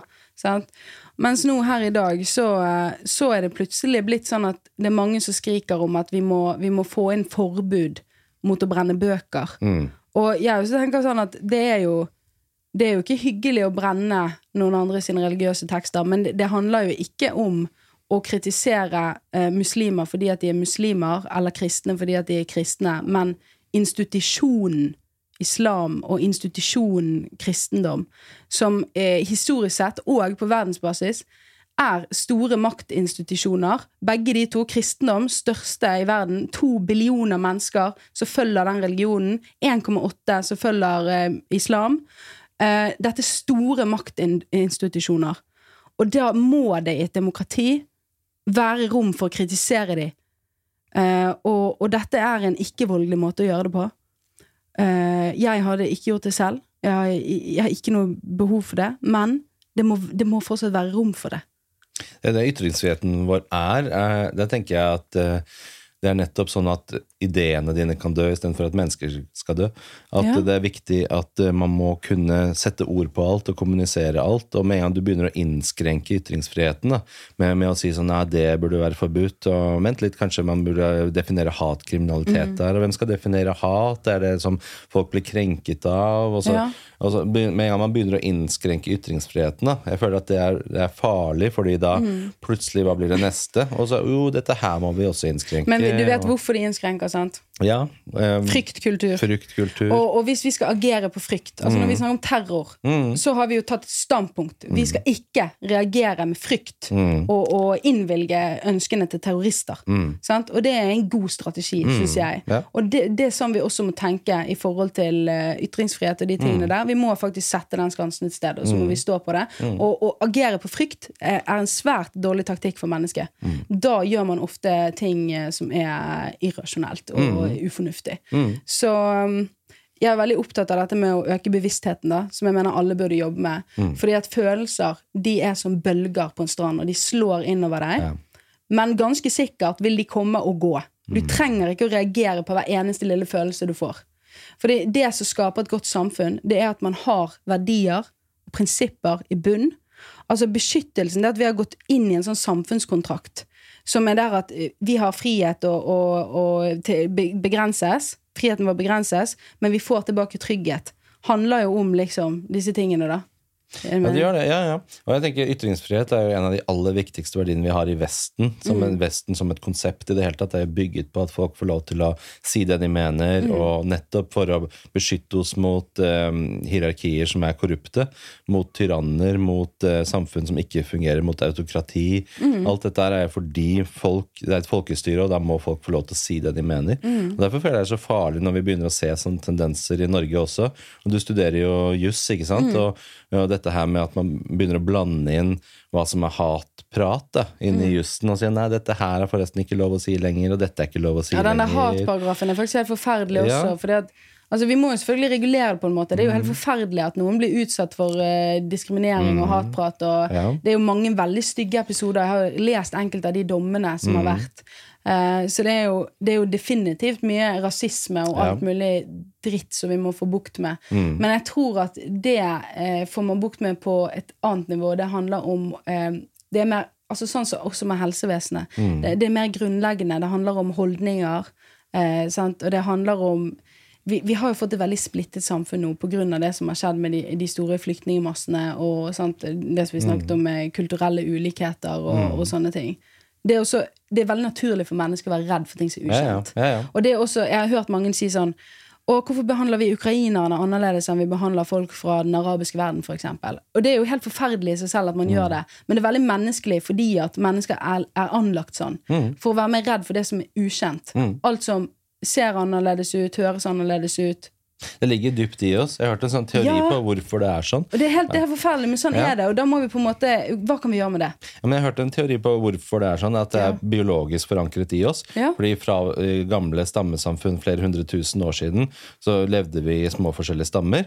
Og hvis det da kom noen fra andre stammer, så for det første vet du ikke hva intensjonene deres er. For det andre så kan de ha sykdommer og virus og bakterier og sånn som du kan bli smittet av. Så det er den naturlige tendensen til de stammene og de menneskene som overlevde, var de som var skeptiske. Ja. Og den skeptiske innstillingen til hvem som var fremmede, før de blir kjent med dem. ikke sant? Sånn okay. at det ligger veldig dypt i oss Ja, det gir jo mening. Mm.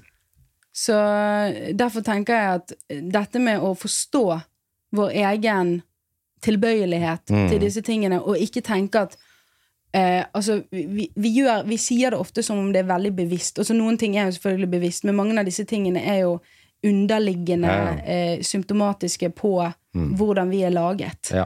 Og da må vi se ok, hvordan kan vi angripe dette fra en annen vinkel, for det vi har gjort opp til nå, det har ikke fungert. Nei, for jeg tenker vi mennesker vi, er så, vi, er, vi tror at vi er så rasjonelle og avanserte og intelligente. Vi er ikke litt rasjonelle engang.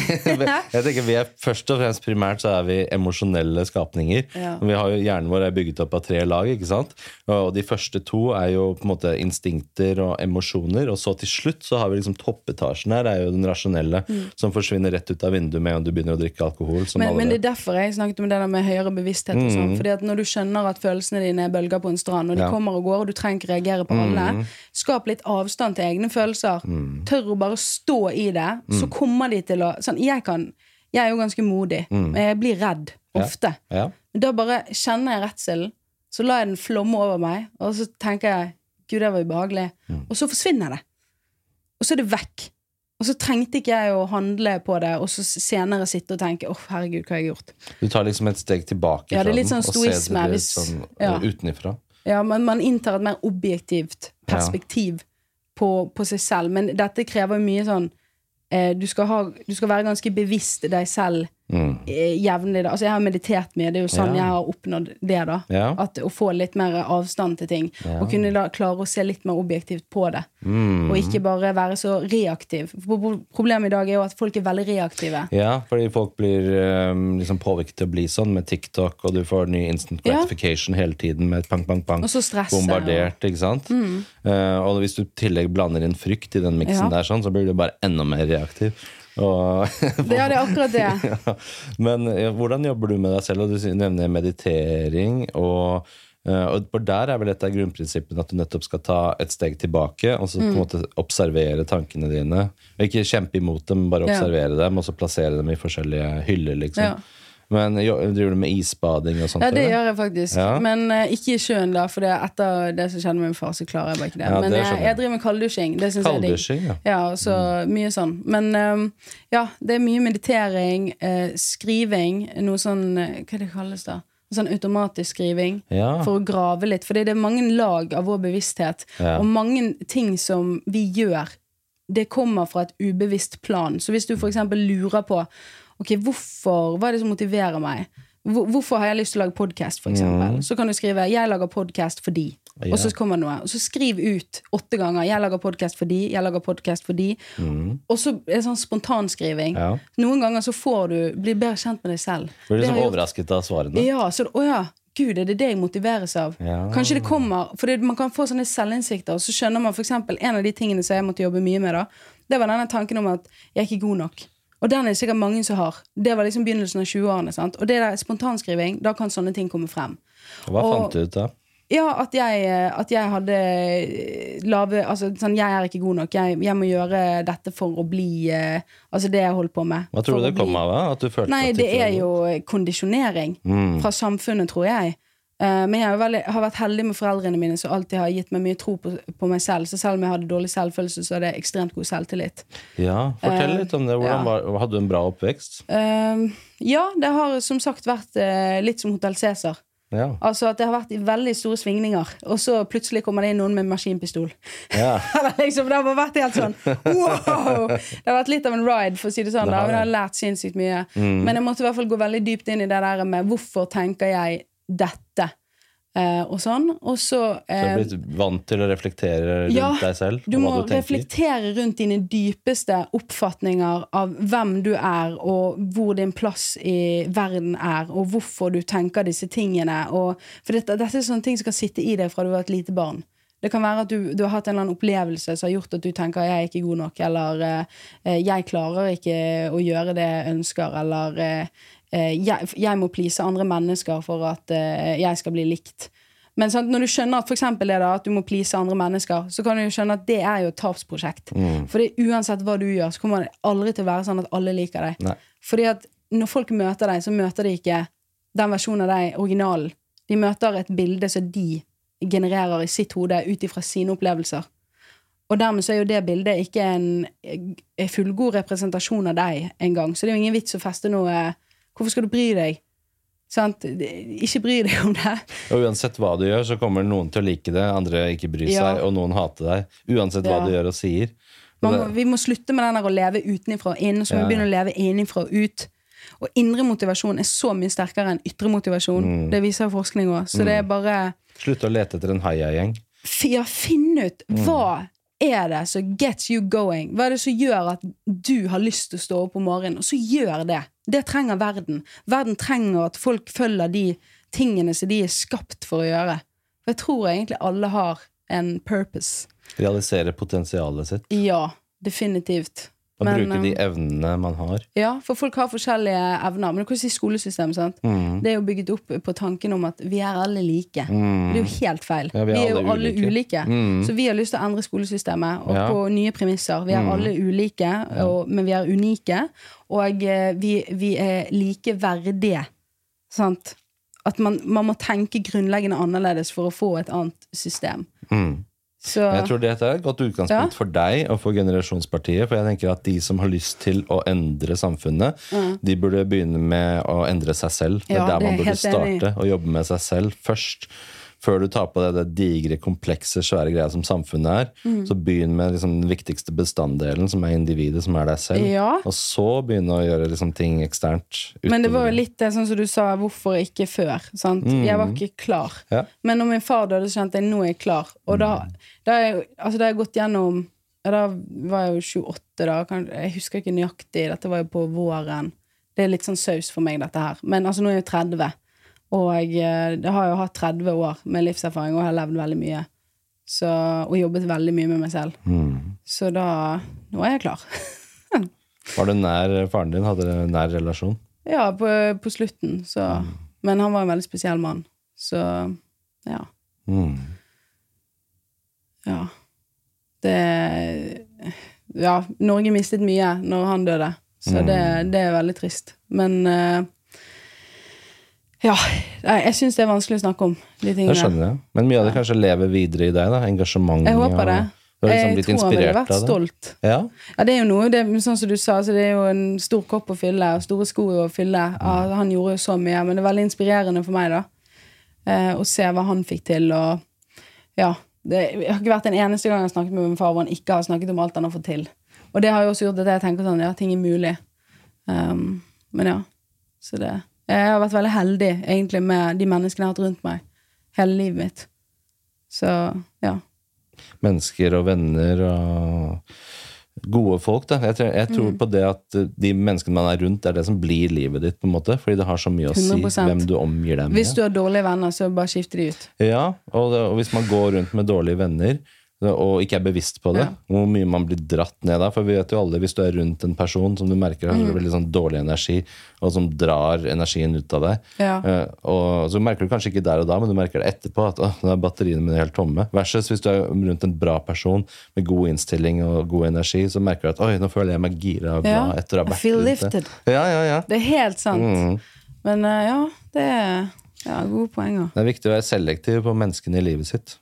Ja, det er det. Mm. Men um, hvordan ser liksom livet ut fremover for deg nå? Jeg tipper det er mye Jeg tipper kalenderboka di er helt full, og det Ja, det er bare avtaler mye. overalt. Det er ganske mye. mm. og jeg har jo ikke en sekretær ennå, så Nei, det må du skaffe deg. Ja, må det etter hvert. Men for jeg er litt sånn Ok, hva, hva skal jeg prioritere, og hva skal jeg ikke prioritere? Mm. Det er jo det som er litt utfordrende. Ja. Eh, sant? Hvilken samtaler. For det, det er veldig mange som tenker sånn Å, jeg har lyst til å snakke med deg, og så tar de kontakt. Å, kan du ringe meg? ja. Jeg får veldig mange sånne 'kan du ringe meg', eller folk som faktisk har funnet nummeret mitt på en eller annen måte. Å, ja. Skjønner ikke hvordan, for jeg har hemmelig nummer. Ja. Men, eh, så, så jeg syns det er veldig rart. Men eh, poenget er jeg skulle gjerne snakket med alle. Ja. Men jeg er jo bare ett menneske. ja. Og det, det får jeg jo ikke til. Det er hyggelig at du kommer til meg, da. Ja, men nå var det jo en anledning. Jeg fikk jo Mm. Ja. en avlysning eh, Ja. i dag. Jeg skulle egentlig møte en fotograf klokken tolv. Ja. Så Mm. da tenkte jeg sånn Du var, du var veldig på timingen. eh, Ja. Det var helt perfect. Så det var sikkert Jeg tror jo på, litt på skjebne òg. ja, har du opplevd mye av det? Skjebner, altså tilfeldigheter som, som virker som tilfeldigheter, men at man føler mer mening med det og sånt? Ja, altså Vi mennesker er jo også anlagt sånn at vi tenker Jeg har liksom prøvd å se det fra flere sider. Jeg leser jo en bok nå som heter eh, 'Fooled by um, Randomness'. Mhm. At vi på en måte Når vi ser i retrospekt, så lager vi jo Vi er jo eksperter på å lage mønstre, så da Mm. tenker vi sånn ah, Ja, det var jo selvfølgelig meningen. Fordi man kan se en rød tråd ikke sant? Ja. når man ser tilbake, men man kan ikke se det når man står i det. Mm. Men eh, når det er sagt, så skjer det jo så mye greier at eh, jeg kan ikke tro noe annet enn at det er litt skjebne i det. Fordi hvorfor skulle en jente på fem år eh, ønske eller vite det med politikk og sånn? Så jeg gjorde da jeg var liten, liksom. Allerede da, ja. Ja, og det er jo liksom Pluss at jeg, jeg, jeg sier hele tiden til folk eh, Hvor er vi hen? Og da blir folk sånn Hva mener du? Vi er i Bergen. Ja, eller sånn, vi ja. er i Oslo. Mhm. Og så er det sånn Ja, men hvor er vi hen? Det kan, det kan du, jeg har også tenkt på det samme spørsmålet der. For det Ja. går ikke an å definere. Fordi hva er det du skal, eh, det du skal definere det opp imot? Mhm. For vi er jo på en svær eh, ildklump og jordball som farer rundt i universet mange tusen kilometer i timen. Uh, og hva er det du I et univers som ekspanderer hele tiden. As far as we know. Ja, og, For det, det er jo hele tiden begrensninger. Og så vet du hva jeg syns er veldig interessant Mm. med alt som er? Det er at egentlig alt defineres av språket vårt. ja. Uh, og så, så, så dette er veldig interessant eh, ting som jeg har hatt lyst til å si på podkast lenge. Som jeg leste om. da Det er en stamme i Afrika uh, hvor de hadde, de hadde ingen ord for fargen blå. Det er mange ord for fargen grønn, av ulike nyanser av grønn. Flere enn vi har i Vesten. Når de ble presentert for fargen blå, så kunne ikke de se fargen blå. Men de kunne se uhyre mange flere nyanser av grønn enn det vi kan. Og det sier jo noe om at hvilket språk du har, definerer også hva du kan, faktisk kan se og forstå, og disse tingene. Og det er jo kjempespennende. Så jeg tror på en måte, du vet Bibelen, der står det et eller annet sånn eh, Og ordet skapte verden. Mm. Det er mye, mye sånne ting som jeg tror man kan hente litt fra, fra gamle dager. Og fra, jeg ja. liksom, hvis du dekoder det, da. Mm. Ikke tenker liksom bokstavelig, men du tenker eh, Ja. Jeg står ikke det på engelsk. In the beginning was the word. Eller tror jeg Ja, det er et eller annet sånn. Og jeg har tenkt så mye på det etter den forskningen og lest på det og prøvd å se litt sånn Altså hvilken ord og Alt er jo relativt. Okay, Vi snakker om frihet. Hva er frihet? Sant? Så går vi på ordet. Ja. Det betyr jo forskjellige ting for forskjellige mennesker. Det er ikke rart det blir kaos. Sant? Og den familien er viktig, Fordi der har du de samme assosiasjonene ofte til ting. Mm. Det er de som best kan forstå deg. Familien er jo et mikrokosmos av Ja. samfunnet, ikke sant? Egen system. Sant? Mm. Så det der å ha et samfunn der hvor man har veldig like assosiasjoner til ting, og eh, språket flyter, Mm. det, det skaper også mer harmoni. Så språket er ekstremt viktig, og mye viktigere enn det folk tror. Og jeg tror jo egentlig at mange av Altså, det vi skaper i denne fysiske verden, det skaper vi først inni en annen verden, som er idéverden. Mm. Det er først emosjonelt materiale. Det blir til f.eks. fra en følelse. Hvis du tenker på ditt forhold til din samboer, f.eks., skapes jo egentlig i en annen verden ut av en følelse. Så materialiserer du det gjennom dine handlinger i denne verden. Du manifesterer ut det som du har metafysisk Og da skjønner du hvor viktige ordene dine er. Hvis du klarer å se på det som at denne, den emosjonelle verden, for eksempel, at den er like reell som denne fysiske, fordi den er en skapende kraft. Det, det, det, ting blir født der. Og i idéverden. Sant? Mine tanker om disse tingene sammen med de andre partiene blir født i idéverden, og så skapes de her gjennom ordet. Som liksom styrer handlingene våre. Mm. Så det er ganske interessant, og da skjønner du hvor, hvor, hvor stor betydning det har hvor du legger oppmerksomheten din. Og i dag så er, er det den største største ressursen vi har, det er eh, oppmerksomheten vår. Og den, den selges eh, hele tiden på, på børs. Det er vår personlige informasjon og, og sånn, og vi sitter og scroller og ja. Så det er veldig viktig med det som jeg kaller energiøkonomi. Mm. Hva, hva bruker du energien din på? Det kommer til å vokse. Det er et viktig fenomen. Eh, Ja. Et, et tema liksom i seg selv. Energiøkonomi. Jeg har begynt å skrive om det, for jeg synes Ja. det er veldig sånn Jeg har reflektert mye rundt det der, for jeg har sett at når jeg skjønte disse tingene, at hvilke tanker jeg putter i hodet mitt, hvilke tanker jeg velger å ha, for det er faktisk et valg. Hvis jeg tenker, er dette en hensiktsmessig tanke? Hvis ikke, da må den bort. Mm. Hvis jeg tenker for eksempel Ok, for eksempel nå, jeg har lagt på meg syv kilo fordi at jeg skadet meg i kneet. ikke sant? Mm. Men jeg er jo på vei tilbake. Og det er bare sånn, sånn er det av og til. Men hvis jeg hadde gått rundt og tenkt at jeg eh, ikke var fin bare fordi at jeg hadde lagt på meg, så hadde jeg også ikke blitt fin. Det er noe med hvordan du tenker. Det er ikke en hensiktsmessig tanke. Derfor bytter den ut med at 'jeg er like fin'. Det er en hensiktsmessig tanke. Det gjør også at du er mye mer avslappet. Og du er ikke så selvbevisst. Og du er mer sånn Og det plukker Ja. folk opp rundt deg òg. Ja. Hvis du går rundt og tenker 'jeg er ikke fin', jeg er ikke fin, jeg er ikke fin, Så så, begynner folk det- å tenke 'hva er gærent med deg', hvorfor Ja. tenker du sånn om deg selv? 100% Og det er litt sånn der, Folk kjenner seg selv best, tenker vi. Så. Hvis du tenker at du ikke er noe bra menneske, hvorfor, Hvorfor skal jeg like deg, hvorfor skal liksom? noen andre tenke at du er bra da? Du er kjenner sannsynligvis deg selv best. Ja, det er det. Og det er derfor vi må være veldig bevisst hvilken tanker vi legger oppmerksomhet i. Vår energiøkonomi. Den interne og den eksterne. Mm. Uh, og hvis man blir bevisst det Når jeg skjønte dette her, så var det akkurat som jeg havnet i førersetet på mitt eget liv. Så kunne jeg bare kjøre hvor jeg ville. Hvordan ble du bevisst på det? Altså, jeg har jo lest ekstremt mye og reflektert ekstremt mye, og så har jeg liksom Jeg har jo eh, gått gjennom veldig mye som har gjort at jeg måtte jobbe med meg selv. Altså depresjon og angst i begynnelsen av 20-årene og, og sånne ting, da, som virkelig var dramatisk for min del. Uh, ja. Så det Og da blir du nødt til å reflektere, for ellers så kommer du deg ikke ut av det. Du må Ja, du, tenke det er enten-eller, liksom. Mm. Så da, da må du liksom ta noen tøffe runder med deg selv, da. Mm. Og så når du skjønner disse tingene, da, at det Eller når jeg skjønte det, disse, hvordan, hvordan verden fungerer. Mm. Det er jo kanskje litt det, at jeg fikk et klarere bilde. Er jo en sys systemtenker, jeg liker å se ting og Ja, de store Ja. linjene. Ja, det, det. det. Ja, det Mm. merker jeg. Det er veldig utviklende og deilig å snakke med deg. Ja, i like måte. Ja. Jeg liker å prøve å se liksom, alt dette her Jeg liker å se samfunnet i sånn mikro og makro. Og Ja. Se på det, VG og politikere og sånn. Alt det der er bare på overflaten og liksom ligger der og, og skummer i. Mm. overflaten. Men så liker jeg å dykke ned 10 000 meter og si ja, hva er de der store linjene som egentlig liksom, Jo, isfjellet er her nede, det. Det der på- skjæret på toppen der. Det er, Det er bare sånn- symptomene. Ja, ja, ja. Litt sånn, det. Ja. Det er veldig viktig. Vi trenger flere sånne, så du er hjertelig velkommen i vårt parti. Mm. Ja, så hyggelig. Det si. Det er hyggelig. Ja. Men du har lyst til å snakke om eh, til slutt, for jeg vet at du må rekke noe buss og T-bane og alt mulig rart, men vi har litt tid til. Mhm. Eh, frihet, hva er frihet, tenker du? Mm. Hva er det for deg, og hva, hva er det for partiet? Men i seg selv, da, hva er Ja. frihet for Jeg kan si altså em, Frihet sånn tradisjonelt sett så vil man jo si at det er em, mangel på tvang. Mm. Sant? Men det er jo ikke bare det. Jeg tror jo at frihet dreier seg gjerne om eh, Får du ha selvstendige tanker? Får, får du utviklet deg på en måte så du kan tenke selvstendig, og så trekke slutninger?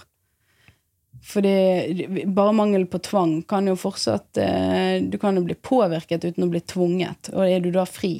Hvis, hvis dine handlinger er et resultat av eh, påvirkningens spill.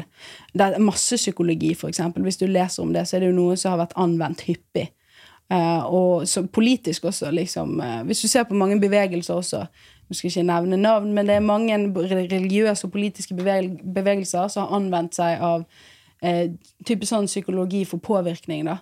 Sånn at man tenker man er fri, men man er ikke fri.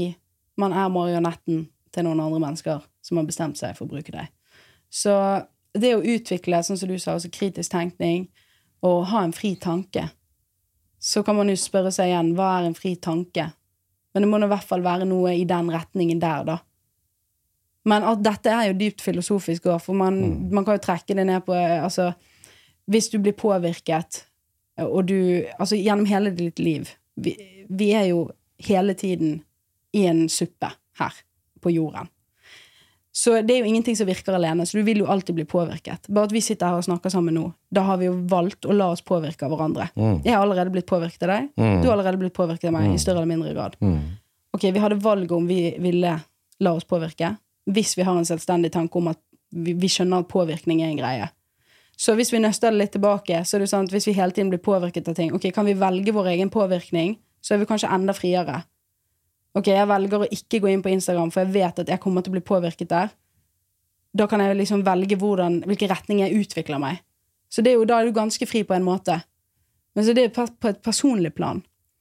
Men så for frihet er jo på mange plan. Sant? Du har den fraværen av tvang som gjerne er ovenfra makt, altså maktmisbruk. Staten, eller Ja.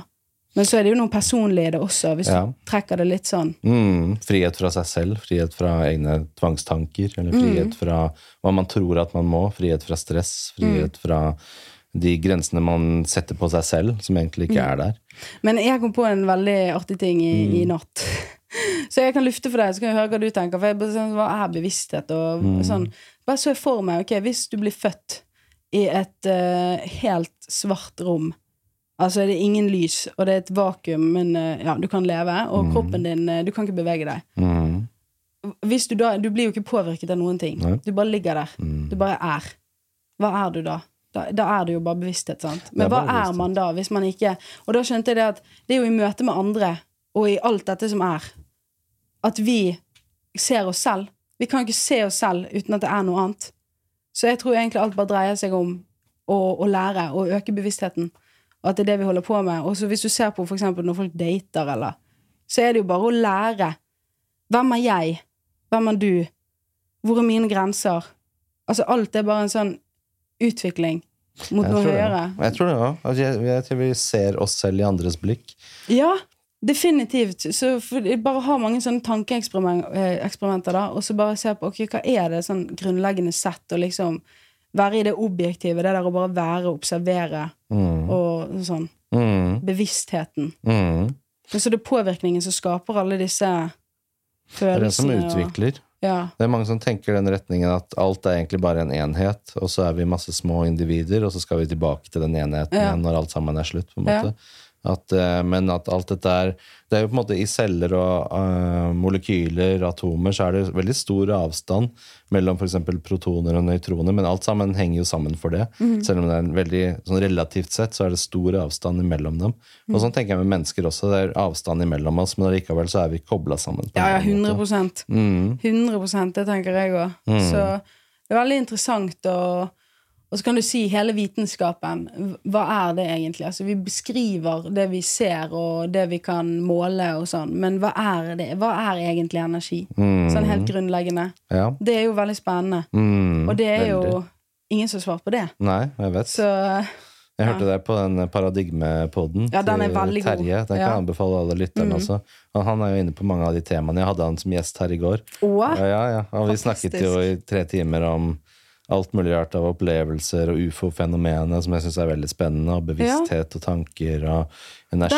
Og. Alt. Absolutt. nå kommer den ut. Eh, snart, forhåpentligvis. Jeg har mange i køen nå, men det er Mm. veldig spennende å snakke om det. Og det tenker jeg bare sånn på slutten her, at jeg tenker Ja. at det er et sånt, en indikasjon på hvor viktig ytringsfriheten er. De som har opplevd eh, ting som avviker fra det normale. Ufo-greier Mm. åndelighet, spøkelser, alt mulig sånt. da. Det er så lett å stemple folk som gale og rare og avvikende og gærne, Ja. istedenfor å prøve å lytte til hva det er folk sier. Ja. Det trenger vi, jeg, tenker, jeg tenker at vi trenger mer av det i samfunnet vårt. Og ikke altså 100%. dømmende blikk, men heller tenke at den du snakker med, kan noe som du selv ikke kan, sånn som vi var inne på i stad. Eh, Men jeg tror det må tilbake til bevissthetsøkning. Mm. Fordi at igjen sant, så har vi de mønstrene våre som er liksom Vi er, vi er anlagt sånn. Så det, På en måte er det ikke vår feil at vi er sånn, Ja. men ved å øke vår bevissthet så kan vi bli mer bevisst vår uh, biologi Mm. og mønstre, og så kan vi velge å handle annerledes og ikke være så reaktiv, Mm. og ta inn den mer objektive posisjonen og Mm. ja. Hva føler du er å være et godt menneske? Hva er det for noe? Hva er det for deg? Ja, For meg så handler det om å følge min indre integritet. Mm. Det er et moralkompass som slår seg ut. Eh, altså, Hver gang jeg møter en eller annen situasjon, så kjenner jeg veldig dypt inni meg rett eller galt. Mm. Og så, og så vet jeg at det viktigste verdien for meg i mitt liv, det er integritet. Hvis ikke jeg har den, så kan jeg bare gå og dø. Sånn tenker jeg. Fordi at eh, da kan ikke jeg stå oppreist. Det, det, er det, det er det viktigste jeg har.